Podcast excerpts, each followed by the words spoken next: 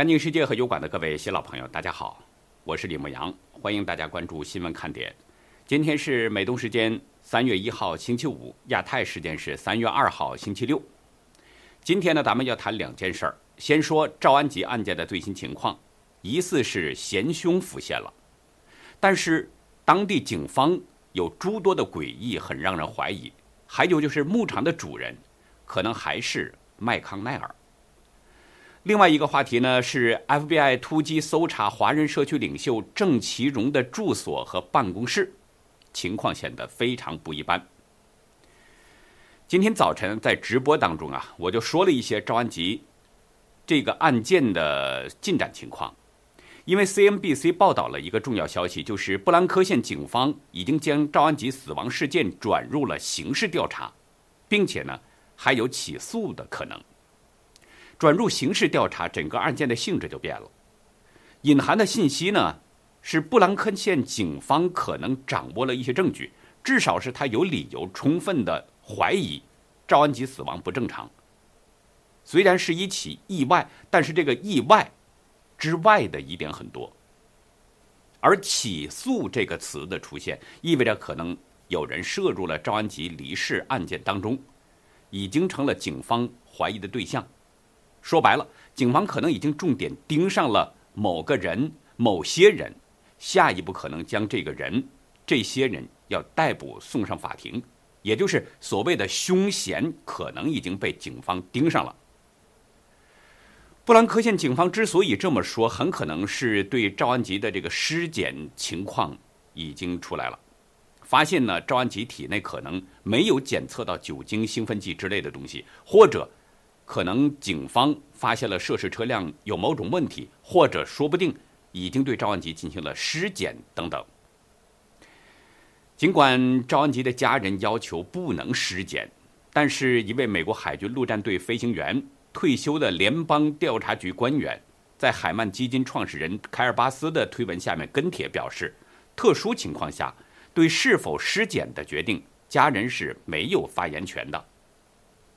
这个人在帖子中表示，赵安杰发生意外的现场非常非常奇怪。这种模棱两可的死亡是需要调查的。当不清楚死因是自杀、他杀、是意外还是自然原因的时候，这种情况下，法医要进行调查，家属是没有发言权的。我在前面很多期节目中呢都有过分析，赵安杰这个案子事实上并不简单，背后的水可能很深，而且其中很可能会涉及到一些大人物。目前呢，我们只是这样的猜测和揣测，不能作为事实根据来说。今天上午，海曼基金创始人凯尔巴斯连续发推文，不断指出对赵安吉事件的一些看法。巴斯表示，对赵安吉离世的调查转为刑事调查是质的飞跃。巴斯指出，CNBC 的报道中并没有提及一些关键的事实。第一。赵安吉丈夫布雷耶的创投合伙机构 IDG 资本被列为了中共的军事项目。二月九号，美国国防部将 IDG 列入到了中共军工企业名单，这是唯一的一个受到五角大楼制裁的位于北京的私募股权创投公司，也是在中国创立最早的创投公司，一九九三年就成立了，是美国国际数据公司旗下。专注于中国的投资机构。巴斯认为的第二个关键事实呢，是赵安吉他的这个身份，中共高级官员。他说，如果不是中共的高级官员，不可能成为两家中国最大、最有战略意义的国企董事会成员。中国船舶重工遭到了拜登政府制裁，后来全面归类为中共军工企业。巴斯指出的第三点关键事实呢，是他认为也许是最重要的遗漏：布兰科县治安部门在初步调查中拒绝州警察的协助，当地警长一口回绝调查帮助，这在历史上是罕见的。巴斯特别指出，德州游骑兵队是受人尊敬而且富有传奇色彩的组织，没有进行尸检，他的汽车被归还给家人。证据也没有得到适当的处理或保存，所以巴斯发出了一连串的疑问：这是为什么？布兰科县警长是否有技术能力调查特斯拉？是否可以调出特斯拉的云端数据记录，确定汽车是否被篡改过数据，或者是被黑客入侵过呢？大家注意，巴斯一直都在坚持赵安吉的车子是特斯拉，从始至终从来都没有改变过。如果确实是特斯拉，据说呢，这种车子内外共有八个摄像头，会全方位的记录一下车子内外的情况。但是现在外界一直搞不清楚，赵安吉的车子究竟是不是特斯拉，这是一个很大的疑问。如果是特斯拉的话，那么调出特斯拉云端数据，调出它的监控录像，就可以解开赵安吉死亡的谜团。所以呢，巴斯表示，这起案件继续变得越来越可疑了，期待着阅读当前。调查当局专业人士的结果。巴斯提到的这几点，确实是很可疑的地方。在早间直播当中呢，我只提到了前面的两点。至于他说的第三点，此前确实也有消息表示过，在赵安吉离世之后，德州州警曾经表示愿意协助布兰科县警方去调查处理案件。按说，州警主动表示协助调查。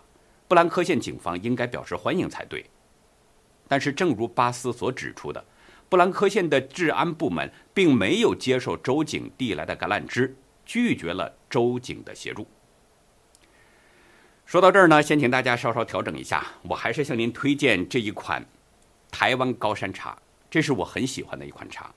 几年前呢，我的一位朋友呢送给我一包，喝了一段时间，然后呢就是念念不忘。这种茶呀，清新淡雅，茶汤呈现金黄色，散发着淡淡的兰花的香气。而且呢，台湾高山茶呀，产地没有污染，产自阿里山区一千多米高的位置，绿色无毒，没有喷洒过任何农药，而且是纯手工采摘。经过半发酵的这种高山茶，有养颜、排毒、利便的功效，其中含有的大量的茶多酚可以抗氧化。防衰老和防癌等等。现在呢是冬茶采摘的季节，厂商呢就是现摘现卖，所以啊产量有限。上次呢我们蓝莓优品呢只拿到了二十斤，结果被我推荐以后一下就抢空了。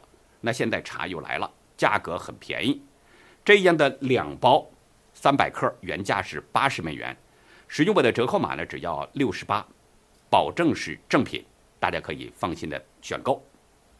下面呢，接着来说布兰科县警方的诡异。警方拒绝州警的协助，也许呢，布兰科县警方是出于面子的考量，不想被别人认为能力不行，这是一种可能。在赵安吉离世之后，布兰科县警方已经拖了几天了，始终没有出炉调查报告，而且在我们的观察当中。布兰科县警方几次都表现出令人不解的行为，比如违反德州公共信息法，拒绝公开涉事私人牧场的名称等等这些民众享有知情权的信息。布兰科县警方违反常理的行为，不能单单用一个面子来解释，这是让人怀疑的，是不是他们也卷入了赵安吉这件事儿呢？是不是他们掌握了案件的基本真相？却有意在隐瞒事实呢？因为根据消防员彭肖恩填写的那份报告，我们可以知道，警察是最早抵达现场的，而且是在十一号的午夜之前。所以，布兰科县警方的做法的确令人怀疑，违反常理背后的这个妖，究竟是什么呢？另外，巴斯在今天的推文中还提到了一点，就是这个牧场。J.W. Ranch 的主人，他写道：“我听说赵安吉死亡的布兰科县牧场也属于麦康奈尔和赵小兰所有。”早在二月二十二号，巴斯就在推文中表示：“据称，该牧场的所有者是米奇·麦康奈尔和他的妻子赵小兰。”今天他又在推文中强调了这一点。另外呢，在下面的一个回帖当中，巴斯更明确的。坚持认为那个牧场是属于麦康奈尔和赵小兰，他们的牧场雇佣了承包商，就在赵安吉去世的前几天，牧场进行了大裁员。我的朋友方飞啊，从一位疑似知情人那儿呢了解到一些讯息。布雷耶在 J.W. Ranch 牧场周围买下了多块房地产，面积非常巨大，而且呢，有当地人表示曾看到麦康奈尔和赵小兰频繁出入 J.W. Ranch。那么，有没有这样的一种可能？布雷耶花钱买下了大片的地产之后，将 J.W. Ranch 送给了麦康奈尔和赵小兰呢？只不过公开信息仍然登记的是布雷耶，而实际的拥有人却是麦康奈尔。有没有这样的一种可能呢？对身价二十九亿美元的布雷耶来说，花八百元送一个人情算不了什么。麦康奈尔在美国的政界有着很大的影响力，送给他一处牧场，可以增进彼此的关系。假如以后再有什么事儿，找到麦康奈尔帮忙，应该是不会费力的。那么，如果这个牧场确实是属于麦康奈尔和赵小兰，那就又有相应的问题，而且问题很大。赵安吉出事的当天，麦康奈尔、赵小兰在哪儿呢？他们是否就在这个牧场的房子里呢？如果他们是在牧场的房子里面，那么他们很可能是知情赵安吉死去的。换句话说，麦康奈尔和赵小兰是否涉入了赵安吉的案件呢？我们联系麦康奈尔，突然间宣布要辞去参议院共和党领袖这个职务，是不是值得怀疑呢？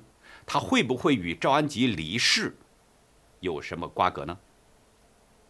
赵安吉案件的谜团还有很多呀，所以我才说水很深。在真相大白之前，我们还会一直关注下去。那下面呢，我们来说另外一件事儿。昨天早上六点。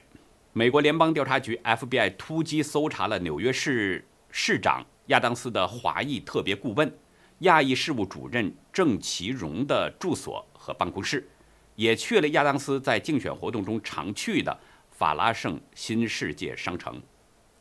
在一段视频中显示，几名 FBI 探员在往一辆车上搬运东西，旁边有不少人在拍摄。装好之后，探员们又走进一栋房子。这栋房子的门牌号码显示是一四四七，房子外面的门上贴着中国特有的对联，里面的门上挂着一个大大的红色的中国结。这个房子是位于纽约布朗市区杰莱斯皮大道，房主就是郑其荣。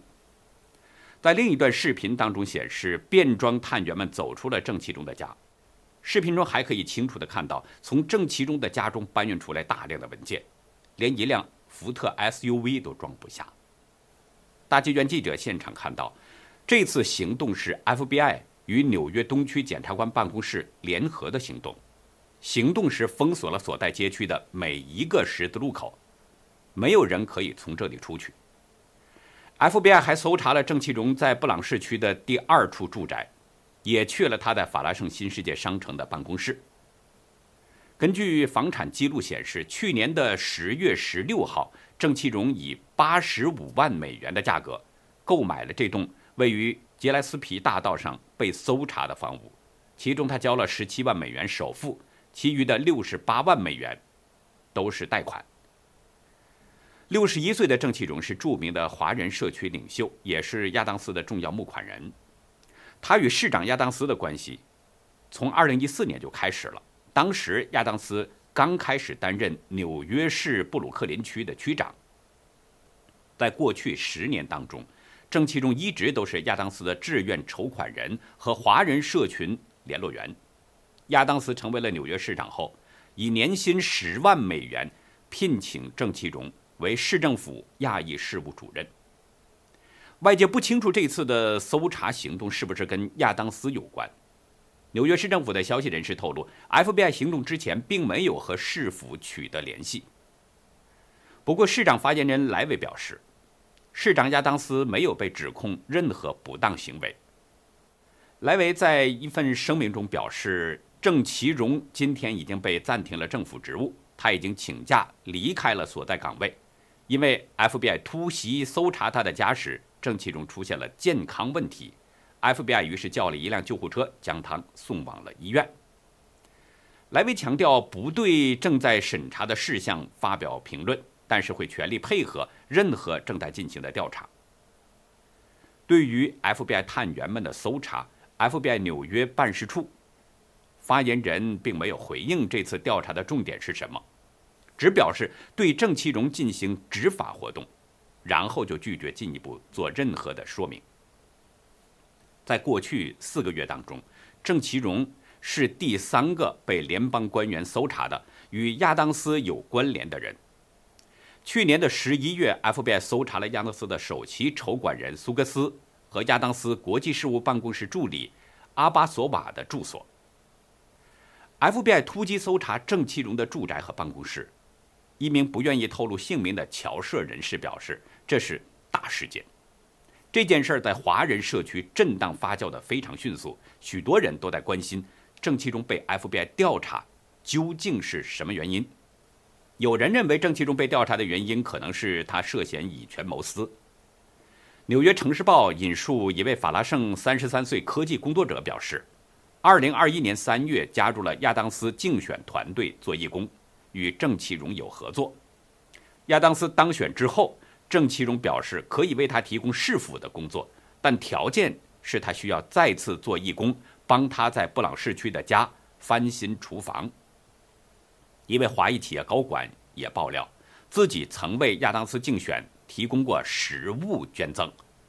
亚当斯当选之后呢，郑其中要求他捐款一万美元，以获取参加市长官邸举办的中国主题活动入场券。但是奇怪的是，郑其中要求将捐款的地址寄到他十年前创办的一家非营利组织账户。这个非营利组织与中共有合作。在布鲁克林八大道要建造牌楼。据这位企业高管所知，郑其中还对其他的五名捐款人都提出了同样的要求。提到建造牌楼，亚当斯在任布鲁克林区长的时候，曾向牌楼项目提供了二百万元的支票。因此呢，有人也怀疑郑其中被调查可能与这个牌楼项目有关。其实，在我看来，可能性不大。因为政府的建设经费如何使用，那要经过市交通局和纽约市经济发展公司两道程序审批，有一定的监督作用。至于有私人捐款，即使出了问题，那也跟市政府没有什么关系。所以 FBI 的调查跟牌楼项目可能没有多大关系。也有人认为呢，郑其荣是牵涉到两个主要问题，一个是关于捐款的问题，特别是公共配比资金的使用。纽约市有政策，候选人最高可以按照八美元公共资金对一美元捐款的比例获得公共配比资金，所以呢，欺诈和非法捐款以获取公共资金的可能性是存在的。去年八月，纽约每日新闻和城市报等等这些媒体呢就有报道案例，怀疑亚当斯的竞选团队涉嫌可疑捐款，其中。包括法拉盛新世界商城。据《城市报》报道说，法拉盛新世界购物中心亚当斯在那里举办了十几场募款活动。去年市政府确定了几十名低薪商场员工向亚当斯捐赠二百四十九美元，通过八比一的配比，商场的收银员、销售人员还有退休人员共捐赠了两万八千七百三十九美元，为亚当斯二零二一年竞选市长活动。额外提供了十七万八千一百四十四美元的潜在公共配套资金。纽约市还发现了第二笔可疑捐款，来自正气中二零一九年十月与纽约市电器连锁店组织的筹款活动。这项活动当中，共有几十位人捐款，每人二百五十美元，捐款共筹集了三万两千四百美元，其中九笔是来自汇票。这是一种相对难以追踪的付款方式。有一位捐赠者表示，其中两张汇票是以他和他父亲的名字伪造的，他父亲的职业被列为家庭主妇。另一个呢是社区关注的焦点，筹款，特别是幽灵捐款和是否存在着官商勾结的贪污问题，也就是说，在捐款和筹款活动当中，是不是存在着不当的利益交换？有匿名的社区人士表示，亚当斯去中国和土耳其旅行可能引起了关注，但这不是问题的焦点。真正被调查的是他回来之后的行为是不是存在着官商勾结等问题。此外呢，社区关注点还有一个，就是郑其荣所涉及的范围，因为他与法拉盛、布鲁克林和曼哈顿唐人街都有往来，所以人们也在猜测，FBI 对他的搜查会不会影响到这些地区呢？除了上面这些关注点，有不少社区人士呢认为，郑其荣被 FBI 搜查可能与 CCP 有关，因为在 FBI 调查之前两个月左右，纽约市调查局已经启动了调查，这两者是有明显区别的。纽约市调查局是纽约市政府内部机构，专门调查市府员工的不当行为，如果发现有不当行为，最多可能会处以罚款或者解职。通常不会涉及到刑事指控，而这一次是 FBI 突击搜查，明显说明事态严重，否则不会随便封屋。怀疑郑其荣与中共有关啊，原因呢是他跟中共方面的确有非常多、非常紧密的联系。有知情人表示，郑其荣是中共驻纽约总领馆的贵宾。纽约每日新闻报道，去年首次有消息传出。郑其荣担任多家中国本土利益集团的顾问，这些利益集团是得到了中共政府的资助的。此外呢，在每日新闻查阅的一份2014年的信件当中，郑其荣自己透露，声称自己是中国投资集团纽约中国农业组织的首席执行官。